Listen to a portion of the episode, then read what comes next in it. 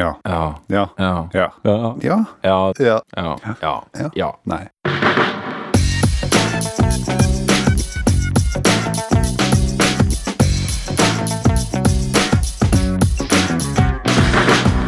Du hører på Psykologlunsj, populærvitenskapelig lunsjprat med psykologene Tommy, Jonas og Jan Ole.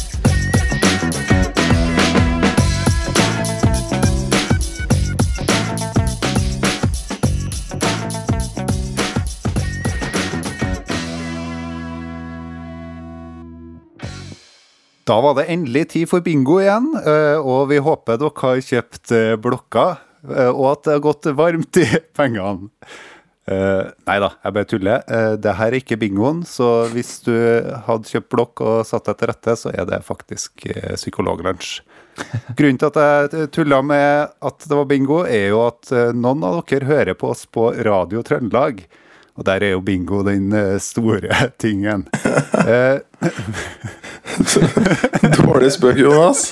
ja. Men, men. Ja, fortsett. Fortsett. Nei da, velkommen til Psykologlunsj, eh, en eh, populærvitenskapelig podkast som handler om psykologi. Her i Malvik så sitter Jonas. I Melhus så sitter Tommy. Han er også psykolog, eller psykologspesialist. Og så sitter Jan Ole i Drøbak. Og nå begynner det å bli ei stund siden vi har hatt eh, program, etter det, gutta? Ja, det har det. det Jo, det er veldig lenge siden. Og jeg føler jo egentlig at det rakna litt. For den siste episoden vi hadde, det var en episode om utsettelse. Ja. Ja. Uh, utsettelsesatferd. Og etter det så rakna det. Ja. Ja. Rakna skikkelig. Og, men eh, lytterne skal jo bare vite hvor mange ganger vi har avtalt å spille inn den podkasten her. Ja. For vi har jo alltid hatt en ganske, ganske sånn rar rate. Altså, vi har avtalt podkast flere ganger enn vi faktisk har spilt inn podkast. Ja. Kanskje sånn tre til én eller noe sånt nå.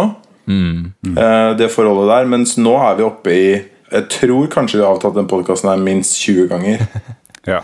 Ja, Det er det, som er forskjellen, er jo at før, så selv om vi har hatt tre til én, så har vi jo likevel greid å gi ut en episode sånn ca. annenhver uh, uke. Ja. Så, men det var bare et blaff at vi var så sløve, for nå eh, skal vi prøve å skjerpe oss og være litt flinkere. Vi skal komme tilbake til dette, og det er jo en, en grunn til at det har blitt uh, utsatt uh, litt også. Det er det jo.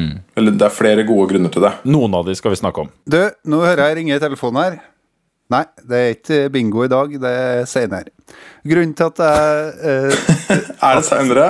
Ja, det er Ja. faktisk jeg, jeg vet faktisk ikke når bingoen eh, går, altså. Men på Radio Trøndelag, der er det bingo. Men Jonas, du må si litt eh, om hvorfor du snakker så mye om Radio Trøndelag. Jo, det eh, Vi fikk en henvendelse fra redaktøren i Radio Trøndelag her for eh, noen uker siden. Som lurte på Ja. om de fikk lov til å spille av eh, episoder som vi lager. Mm. Og Radio Trøndelag er en radiokanal som er igjen på det gamle FM-båndet. Eh, Så hvis dere har like gammel bil som meg, og bor i trøndelagsområdet, så går det an å høre på podkasten vår fra fire til fem på den gamle radiosystemet. Er ikke det rart? Mm. Vi er en podkast, og så er vi på radio likevel. Ja, Det er ja, merkelig. Det er kjempeartig. På FM. Det er kjempetrivelig. Og, og hvordan får de det til å bli en time, det lurer jeg på. Enten så Ja. må de spille veldig sakte film, eller eh, sånn eller så, eller så er det masse reklame mellom det, vet ikke vi. Ja, og vi tar, ikke Ja. vi tar ikke ansvar for noe reklame, altså. Det, det får Nei. være på Radio Trøndelags regning. Hvis det. Og selv om sikkert veldig mange av de som hører på Radio Trøndelag, og uh, mot formodning hører oss der, uh, tenker uh, og hører reklame innimellom uh, slagene og sånn, og da umiddelbart tenker Nå renner det inn i kassa til Psykologlunsj. Den allerede overfylte Psykologlunsjkassa. Så faktisk må jeg skuffe dere og si at dere tar nok feil. For det første så er podkast ganske lite innbringende. Mm. Og for det andre så er det å få radioprogrammet på norsk lokalradio Det er heller ikke spesielt eh, innbringende. Nei. Det, er- det er gratis, da. Og veldig trivelig. Det er gratis. Vi betaler ingenting for å få programmet vårt eh, på lufta. Nei. Så det er hyggelig at det er noen som har lyst til å høre på det. Jeg sier litt, kanskje litt uh, om at uh, redaktøren for Radio Trøndelag ikke er helt uh, tilregnelig. Det, det er sant. Vi har et fullspekka program, helt tilfeldig sammensatt av diverse psykologiske saker. Vi skal snakke om huskjøp og om grøntareal. Jeg tenker vi starter om uh, grøntareal. jeg. Hva vil du fortelle oss om grøntareal, eh, Tommy? Jo, grøntareal er jo fint. Ja, Og trivelig. Og uh, hvis man bor i en by, så kan du jo spille uh, fotball der. Eller uh, kaste frisbee. sant? Og kanskje grille og, og litt sånt noe. Så det er jo veldig bra med grøntareal. Men eh, nå har det seg sånn at eh, det er ikke bare koselig og trivelig. Det kan faktisk være eh, sunt for hjernen din. Kan? Og, ja, det kan jeg. Så det her er, det her er en nyhetssak. Eh, Den er to måneder gammel, så den er rykende fersk. Det er i sånn Jonas-kategorien, vil jeg påstå. Oi. Litt sånn uh, typisk Jonas-sak. Tusen takk. Jonas-sak. Jo, vær så god. For, for nye lyttere i Radio Trøndelag så er Jonas-sak eh, en sak som jeg ville ha tatt opp. Ja, det, men i dag så er det jeg som tar det opp. Da. Eller en som involverer personer som heter Jonas. sant. Ja, det kan også være. Hvor, de, hvor Jonas spiller en hovedrolle. Ja, Ja. I saken, ja. Mm. Ja. Ja da, nei, det, det, men det, det her er mer en sånn Jonas-sak, sånn sak som Jonas kunne ha tatt opp, da. Så det her er en studie som eh, da har valgt å undersøke om hvorvidt det å vokse opp med masse grøntareal rundt deg, altså parker og, og åpne, luftige, frodige grøntområder, om det kan ha en fordelaktig påvirkning på utviklinga av hjernen til barn. Ja. Og det her er da eh, faktisk en longitudinell eh, studie som har pågått over til et tiår. Det vil si, de har, eh, den har foregått i Spania, hvor man da har eh, fulgt barn fra før de ble født, og målt de gjentatte ganger da, gjennom eh, Eller fulgt med dem helt fram til de var sju år gammel. Målt dem før de ble født? Eh, Sprøtt. Nei, de har, de, ja, de har fulgt opp liksom med rekruttert deltakerne før de ble født. Ja, sprøtt. Ja, det er faktisk ganske Det er veldig sånn eh, eh, de, har, de har stått på, altså. Så um, det som er da um, greia, er at de hadde ant de her forskerne om det kunne være sånn da at de her grøntarealene kunne ha innvirkning på um, på hjerneutvikling, og det har de da valgt å måle ved å undersøke oppmerksomheten Ja. til barn, og uh, sjekka da om det er noe forskjell på de barna som har vokst opp med masse grøntareal rundt seg, sammenligna med de som ikke får det. Ja, Vi kan ta det her med hvordan de har målt det først, da, for det var faktisk noen sånne tester som er ganske kjent. Det er eh, en barneversjon av eh, en test som vi kaller for CPT, Continuous Performance Test, Ja. Connors test, og eh, Attentional Network Task, ANT. Så det har de målt eh, De har, de har testa barna da, da de var en fire-fem år gamle, og da de var sju år gamle. Ja, Og så kan dere prøve å gjette hvordan eh, definerer man hvordan eh, det ligger an med grøntareal rundt eh, folk der de vokser opp? Har dere det? det? For det var litt finurlig. Jeg ser for meg de bruker kartdata. Ja. Satellittbilder. Satellittbilder som de har objektive målinger på. De har sånn her måle lysfrekvensen, fargefrekvensene eller noe sånt, noe av, eh, som blir avgitt da, fra satellittbilder. Kult. Men du, Og- hvis, og- enn hvis, ja, ja. enn hvis det er sånn radioaktivitet og sånn eh, i nærheten, så blir det jo er ganske grønt òg. Ja, det er sant. Ja. Jeg så ingenting at de hadde korrigert for det, altså. Ok. Det er jo en svakhet For i det, for det ligger jo som sånne grønne tepper på Hvis du tar Ja. bildet ovenfra, så ser du jo Da ligger radioaktiviteten som sånne grønne tepper. Ja. Ja, de gjør det ja. på film. Nå sprer du, dis, Og- nå sprer du eh, desinformasjon, eh, Jonas. Ja, men det er jo et viktig poeng, fordi altså, sånn som Hulken, han har jo et sinneproblem, og antakeligvis gjør det ikke veldig bra på liksom det å stoppe seg sjøl fra å gjøre dumme ting og sånn. Impulskontroll og Sant. Så det, det Jeg lurer på om vi skal sende en e-post til de her forskerne og spørre om akkurat Men en, Men, kunstgress, kunstgress, kunstgress, er jo, kunstgress er jo eh, en, eh, faktisk Ja. altså, vi, Her i Malvik så har vi jo Men- flere kunstgressbaner. Det hadde Ja, men jeg tror faktisk ikke det har noe med Det spiller ingen rolle om det er ekte eller, eller Fordi at det Altså, jeg tror ikke Sånn som jeg leste her, da, så er det ikke sånn at de tenker at bare du er omgitt av gress, så bare vips, så blir du. Eh, mer oppmerksom. Eh, så de Det har hadde, det hadde i så fall vært en litt spesiell Det har vært veldig spesielt. Så det er jo litt hvordan du bruker de områdene, da, okay. som er greia. Ja. Så om det er kunstgress eller, eller vanlig gress, det har kanskje ikke så mye å si. Men det som var interessant, var det at de, de hadde to ulike mål. Det ene var det her med eh, generelt grøntareal, areal men de hadde også målt hvor mye skog det var rundt. Ja. Og det har noe å si skjønner du, når vi kommer til resultatene. Ja. Så det de fant ut, det var at barn som har vokst opp med mye grøntareal, altså parker og grø eh, generelt grøntområder, hos de, når de ble undersøkt med de her testene, så hadde de eh, gjorde de færre sånne feil av typen altså det, Sånn som CPT er, da, den ene testen, så er det sånn at du skal, du, du skal trykke når du får beskjed om det. Du skal gi en respons når du får beskjed om det, og ikke trykke når du ikke får beskjed om det. Så du har muligheten til å gjøre forskjellige typer feil, da. Og her hadde da de som var, hadde mye grøntområder rundt seg, de gjorde ikke feil av den typen at man glemmer av å gi en respons når du skal gi en respons. Så av det eh, De hadde færre sånne typer feil. Så det man da tenker, er at eh, Eller de her som har skrevet artikkelen, de tenker at eh, de er bedre på det å liksom være litt sånn fokusert på Fokusert oppmerksomhet. Til forskjell fra hvis at du gjør den type feil at du trykker når du ikke skal trykke, altså mer en sånn impulsivitets, uh, hyperaktivitet, impulsivitetsproblematikk, da. Og de hadde lavere reaksjonstid, da, som er en bra ting, altså at de var raskere til å gi respons når de skulle gjøre det. Så de var skjerpa og oppmerksomme, da, de som uh, hadde mye grøntområder rundt seg. Ja.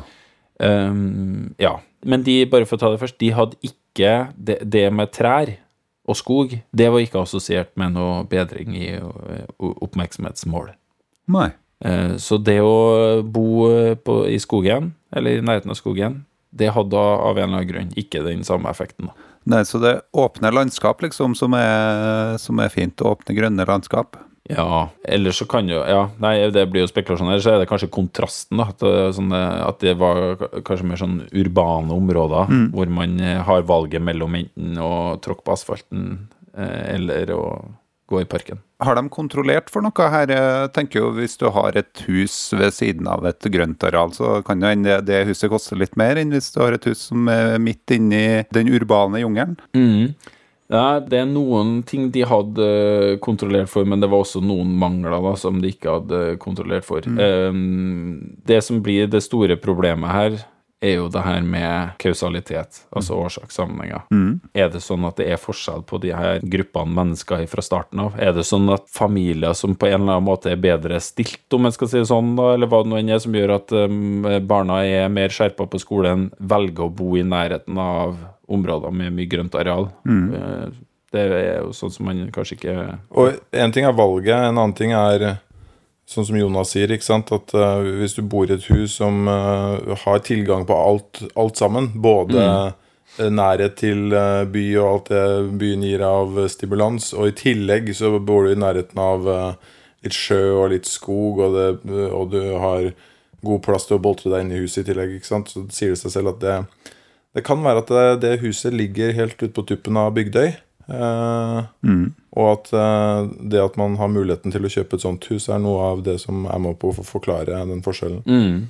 Ja. Nei, så det er jo det som er mm, Det er noen problemer og noen utfordringer med det her, og eh, det er jo en sånn typisk ting som det blir veldig spennende å se hvordan det er hvis du gjentar det, da. For det, Sant? det kan jo være et tilfeldig funn. Jeg tenker jo, altså Hvis man tenker at det er det miljømessige som virker inn her, så, så er det jo det er jo selvfølgelig det er jo større sannsynlighet at du tar med barnet ut da, i tidlig alder og ut og triller og sånn i det grøntarealet, mens, eh, mens hvis du bor inne i byen, så er du kanskje mer husbundet på et vis. Det kan jo være sånne type ting, da. Men, eh, men Ja, altså kan jo se for seg at det er noen sosioøkonomiske ting som spiller inn, altså. Men de må jo ha kontrollert for inntekt, f.eks. til foreldrene, eller hvor dyr boligpriser, på et vis. Ja. Altså, det som de har eh, liksom antatt, da, det er det at, eh, at menneskene er har et forhold til naturen, da, sånn biologisk og evolusjonsmessig sett, og at det å det å være i nærheten av naturen er fordelaktig for utviklinga. en ting som de nevner, er sånne ting som eh, altså um, Med mye grøntareal så har du, min, har du kanskje mindre luftforurensning, som kan være et uh, plausibelt uh, poeng. Altså det mindre bly, kanskje, eller hva det nå enn er i lufta. Um, eh, det er også det at eh, med mer grøntområder så har du mindre lydforurensning, som man også vet at faktisk er ganske skadelig, og som fører til en god del problemer til folk. Det er eh, en ting man ikke tenker så mye over. Men også sånne ting som eh, at man da kan være mer fysisk aktiv, som eh, kanskje Kanskje det reduserer eh, stress og depresjon osv. Så, videre. så det var masse sånne antakelser. Mm. Husker på hvor mange som var med i den studien. Det er jo interessant hvor mange Ja. barn Det var ganske mange, skjønner du. Ja. Eh, skal vi se det, var, eh, det er jo ikke alle som ble implementert, selvfølgelig, men det er da N er lik 1500. Oi, ja, det er bra. 1500 personer som eh, Eller barn, da, som var med. Så det var ganske ok. Det var spennende. Og, altså, da mener i hvert fall de forskerne her at grøntarealet påvirker oppmerksomheten vår. Og det er jo positivt for folk som hører på Radio Trøndelag. For er det én ting som det er mye av i Trøndelag, og i hvert fall i Nord-Trøndelag, så er det grøntareal. Og hvis du har lyst til å flytte til Nord-Trøndelag, så kan det jo hende at du er på leiting etter hus, og finne ut hvilken type hus du skal ha. Og derfor har vi tenkt, for å få en rød tråd i denne sendinga, så har vi tenkt på å snakke om huskjøp. Og det er du, du Jan Ole, som eh, eh, skal glede oss med. Det skal jeg glede dere med. Og jeg sa jo innledningsvis her at det var gode grunner til at vi har vært, øh, vært øh, så fraværende på podkastfronten i det siste. Og en av de er jo det faktum at jeg har kjøpt et hus Oi. sammen ja, med min kjære kone Gunhild. Ja.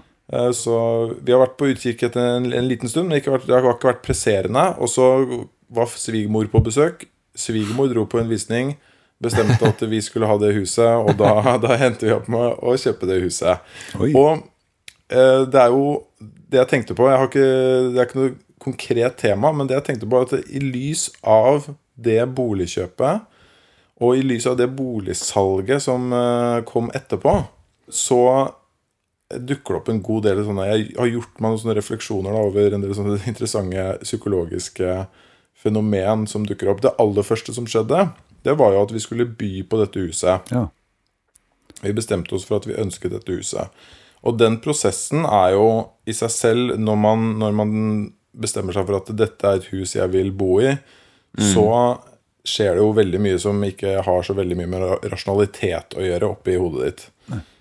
For det første så begynner man å danne seg sånne bilder av hvordan det nye livet i det huset blir.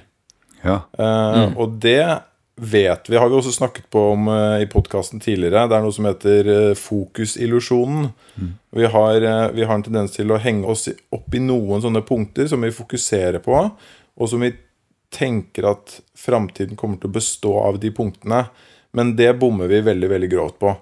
Vi, i, det nye huset så er det f.eks. en uh, stor stue. Og det var et innsalgspunkt for oss, og vi tenkte oss vi ser for oss livet i denne nye, store stuen. Men, men uh, vi kommer jo ikke til å stå midt i den stua og veive med armene og nyte all den plassen. Det er jo ikke det vi kommer til å fokusere på i vårt nye liv i det huset. Nei. Vi kommer til å fokusere på de samme tingene som vi gjør i dag også. Og det er uh, hvem skal hente ungene, hva må vi ha til middag, rekker jeg å få trent eh, før jeg legger meg. Eh, og veldig få av de tingene vi driver med i dag, handler om eh, plassen i stua. Så det, det er et, et sånt eh, poeng som dukker opp og blir ganske tydelig når man skal inn eh, i en budrunde og bestemme seg for Ja. at man har bestemt seg for et hus. da Så i, akkurat i budrunden så, så hadde du noen sånne, sånne fine, flotte tanker om, eh, om den store stua. Ja, altså du, du, Man henger seg veldig opp i det bildet av det nye livet. Og så blir det det blir jo sånn driver i budrunden også. Og det er jo hele grunnen til at man må regulere budrunder. Fordi folk går jo bananas ikke sant? på grunn av eh, alle de rare tingene som skjer oppi hodene våre. Um, Men det var for så vidt ikke det viktigste jeg skulle si der. Det jeg gjorde som eh, den fornuftige personen jeg er, det var jo å sette meg ned aller først og se hva finnes av forskning på budrunder. oh, ja. Ja, ja. og, og, og det jeg var spesifikt ute etter, var jo hvordan skal jeg by best mulig. ja. Vi vet en del fra psykologien, f.eks. at uh, vi er sårbare for å bli lurt av forankringspunkt. Så det er jo det som er utgangspunktet for pruting. ikke sant? Du, du får et tilbud som ligger kjempehøyt, ja. og så, og så jekker selger seg ned, men har et høyt utgangspunkt som gjør at, eh, at vi aksepterer kanskje en høyere pris enn enn man ville ha gjort hvis man hadde begynt lavere da. Ja. Eh, så da er det en god strategi å begynne med et veldig lavt bud, f.eks. ja. Er det en god strategi å vente? Vente tett opp til den fristen. Man, det første budet må jo stå til klokka tolv dagen etter, først, eh, etter siste visning. Eh, Så er det lurt å da vente til rett før tolv før man legger inn det første budet. Er det lurt å legge inn et skremmebud som er La oss si at du legger inn et bud bare litt over takst for å skremme de andre ja. bort. Hvis du tror at det skal gå veldig mye over takst. Eh, Disse tingene ønsket jeg svar på, men fant altså ingen i forskningslitteraturen. Nei. Å nei. Spennende. Jeg gjorde ikke det. Og litt av problemet med det er nok at det finnes så mange forskjellige måter å håndtere sånne budrunder på. Mm. Um, og vi har litt spesielle regler i Norge også, så det var ikke uh, Jeg fant ikke noe som traff uh, denne typen uh, budrunder. Nei. Det er helt åpenbart at sånne forankringspunkt og sånn fungerer godt. Og det er forsket på når det er to stykker, en som skal kjøpe og en som skal selge. Men det fant jeg ikke noe, jeg fant ikke noe på en situasjon hvor det er flere potensielle kjøpere Nei. som eh, byr på en måte driver hverandre opp, da. Så det, det, var, det var ikke lett for sånne forskningsorienterte mennesker som eh, det vi er, å finne gode svar på, på det. Så det er for de der ute som lurer på hva de skal ta en doktorgrad på. Prøv å ta det på norske, norske budrunder på, Sant? på hus. Og der må det jo finnes ganske, mange, ganske mye data.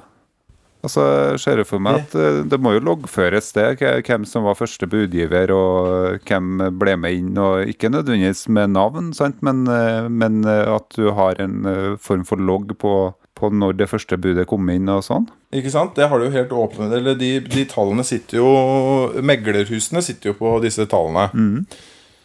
Eh, og så er det ikke sikkert at det er så lett å bruke og så finne svaret der, for det er jo ikke kontrollert eksperiment, dette. Nei. Eh, så jeg vet ikke.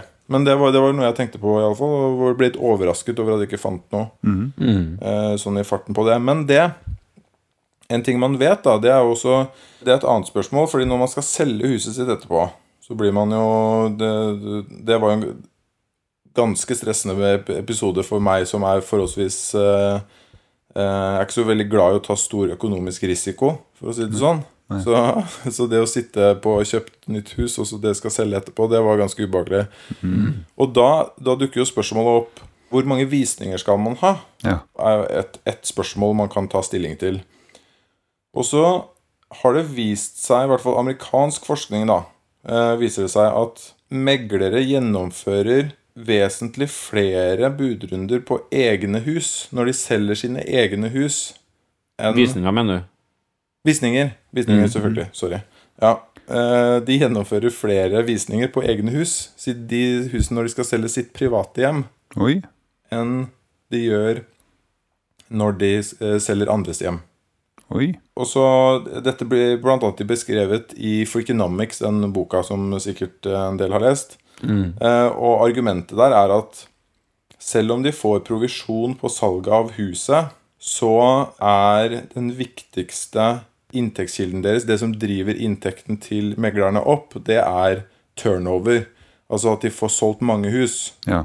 I Norge så får du bare 1% i uh, provisjon. I hvert fall var det en megler som tilbød oss det, at han skulle få 1% Og da vil det jo si at hvis du selger da Si at du selger et hus til 5 millioner.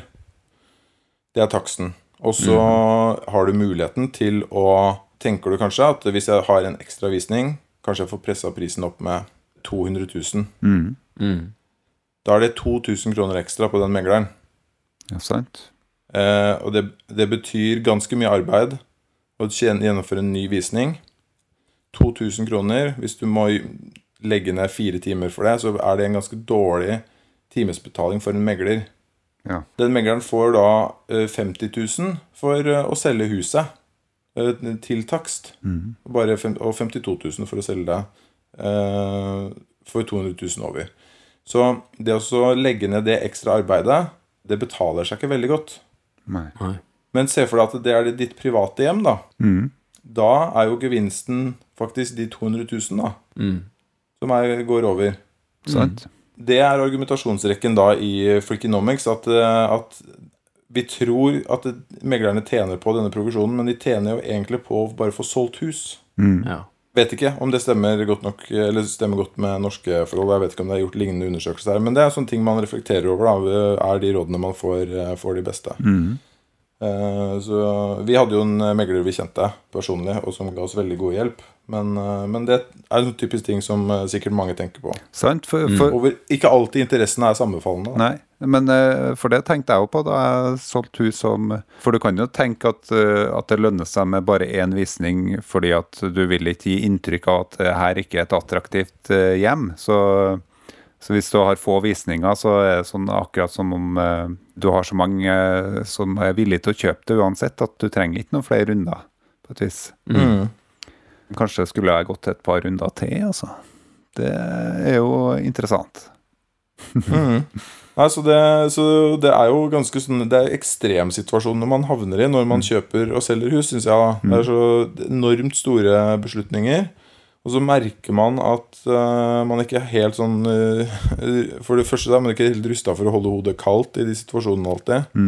Eh, og så betyr beslutningene så veldig mye. Så det, det har vært en veldig rar prosess uh, uh, å være gjennom. Men, men har dere For dere har jo både kjøpt og solgt hus. Uh, I hvert fall, eh, Det er et artig fenomen som jeg opplevde, var sånn eh, Med en gang du har kjøpt hus, brukt masse penger, så er det utrolig mye du kan slenge på den summen, på et vis.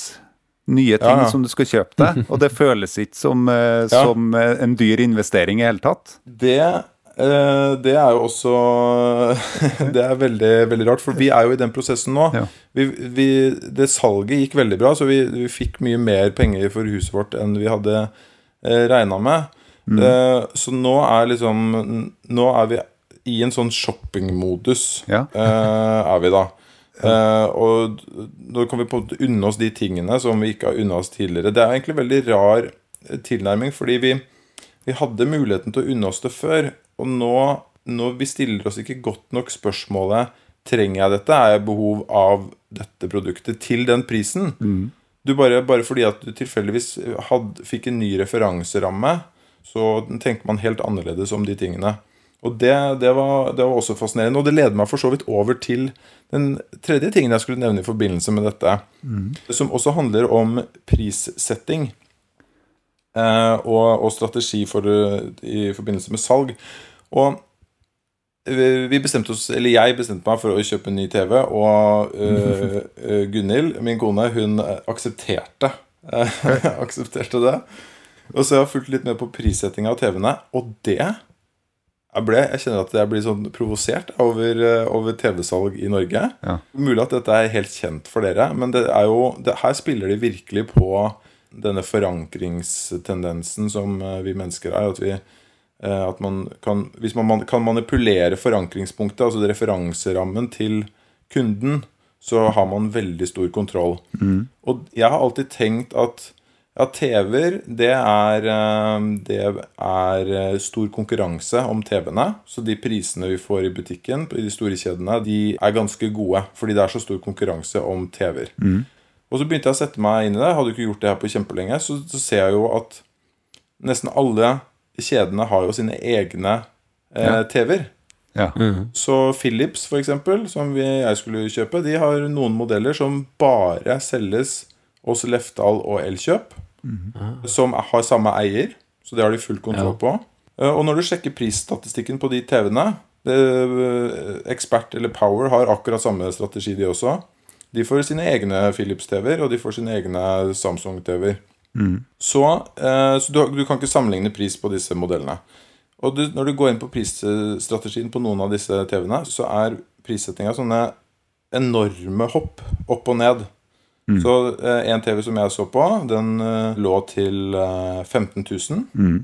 Eh, og så datt den ned til 8000. Og så lå den eh, til 8000 i to uker. Og så var den opp til 15 000 igjen Ja. på, i Lefdal og Elkjøp-systemet. Og så datt den ned til 8000. Ja. Og det er jo selvfølgelig bare så de kan si denne TV-en den er satt ned med 7000 kroner fra 15 000 kroner.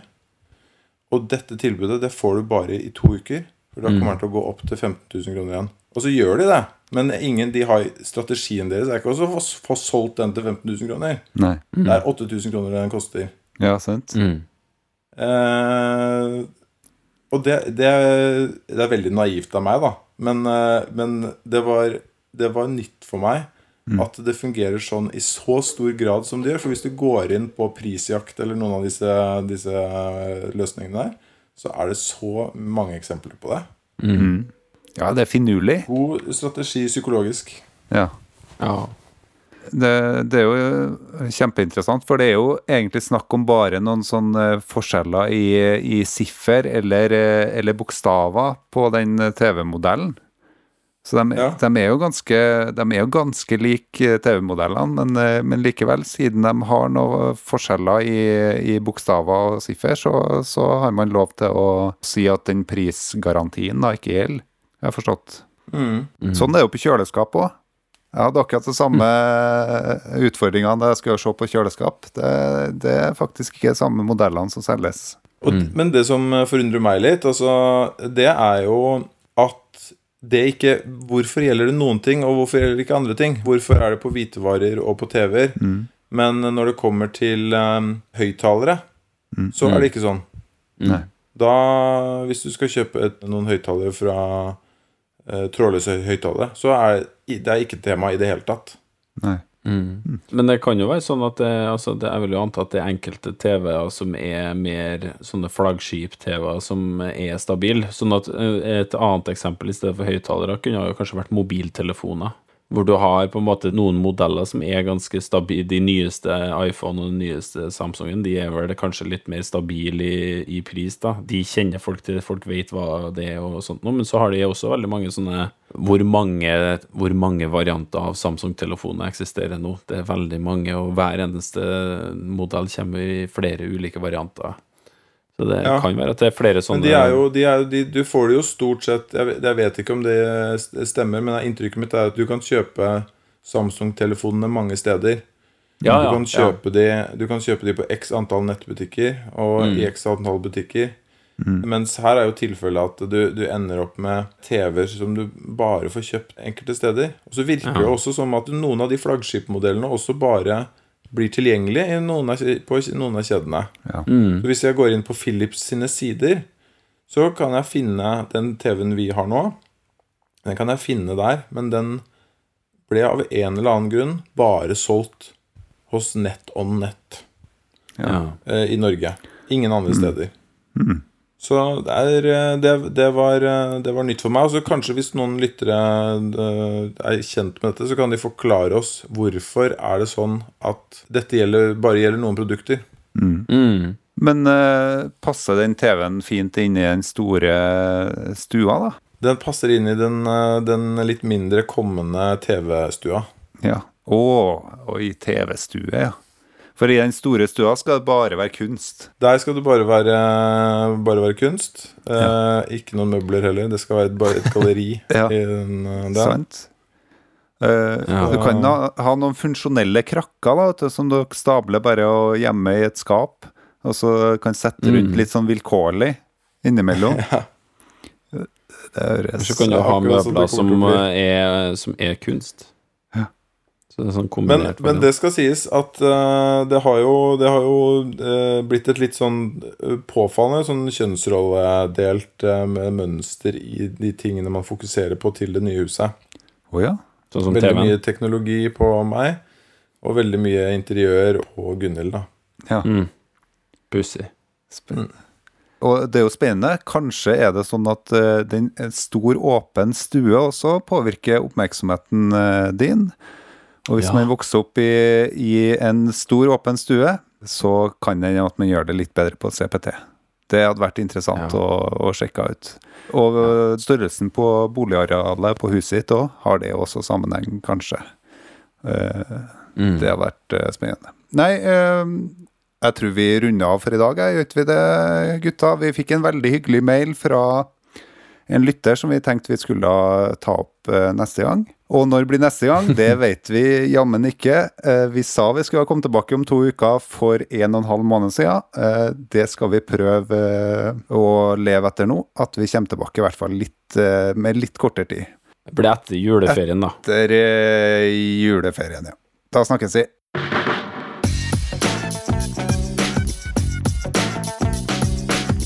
Du har nå lytta til Psykologlunsj. Har du noen spørsmål, kan du søke opp Psykologlunsj på Twitter, eller du kan sende en e-post til psykologlunsj, Mer informasjon om temaet du har hørt i dag, finner du på psykologibloggen.no og tankesmed.no.